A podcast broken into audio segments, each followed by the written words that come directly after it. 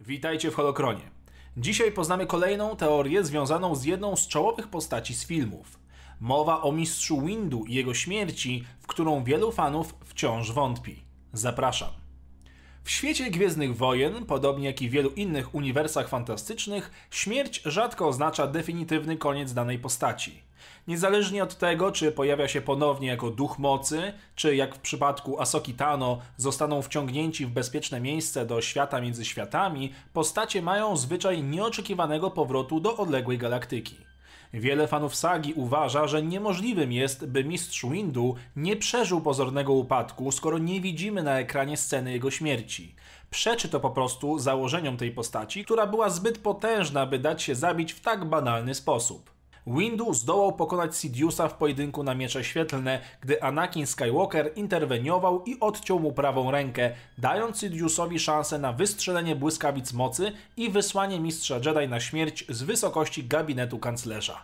To mogło zabić by zwykłego człowieka, ale potężni użytkownicy mocy, tacy jak Windu, znaleźliby sposób na przetrwanie o wiele gorszej sytuacji. Darth Maul został przecięty na pół podczas walki z Obi-Wanem Kenobim i spadł w dół ogromnego szybu tylko po to, by przeżyć używając swojej woli i nienawiści spotęgowanej dzięki ciemnej stronie. Maul nie jest jedynym przykładem, który cudem wrócił po upadku z dużej wysokości. Sidious został wrzucony do szybu i uderzył w reaktor Gwiazdy Śmierci, ale był w stanie zachować ducha moce i powrócić w ciele klona. Luke Skywalker miał nieco łatwiej, kiedy spadł do szybu w mieście w chmurach, ale on też wyszedł z tego żywy bez większych obrażeń, prócz utraty dłoni oczywiście. Nawet Obi-Wan przeżył, gdy Sidious wydał rozkaz 66, a żołnierze klony komendanta Kodiego zestrzelili mistrza Jedi z dużej wysokości na utapał.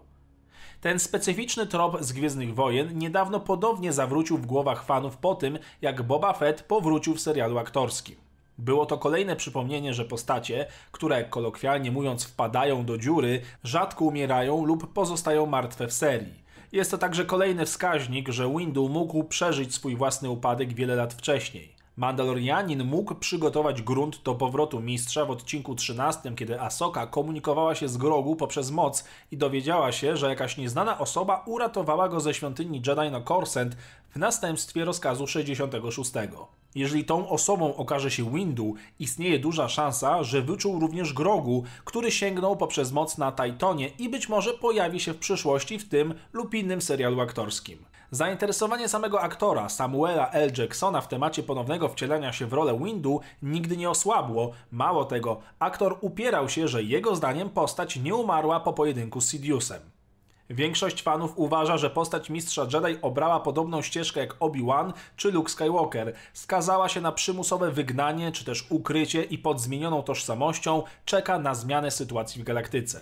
W przedziale czasowym po powrocie Jedi, a przebudzeniem mocy mamy naprawdę sporo miejsca na opowiedzenie wielu ciekawych historii, czemu więc jedną z nich nie miałaby być historia mistrza Windu. 21 grudnia 2020 roku na oficjalnym Instagramie Star Wars pojawiło się zdjęcie mistrza Windu w szatach rycerza Jedi z życzeniami dla aktora Samuela L. Jacksona z dopiskiem Impreza się nie skończyła, dopiero się zaczyna. Może być to odniesienie do filmowej kwestii, którą wypowiada aktor The Party is Over, albo zakamuflowana zapowiedź jego powrotu do świata Gwiezdnych Wojen. Czas pokaże. Dziękuję za oglądanie. Dajcie znać, czy chcecie jakieś inne teorie ze świata Gwiezdnych Wojen, które wydają Wam się interesujące. Nie zapomnijcie odwiedzić Discorda i wbijajcie na serwis Patronite. Niech moc cierpliwości w tym temacie zawsze będzie z Wami.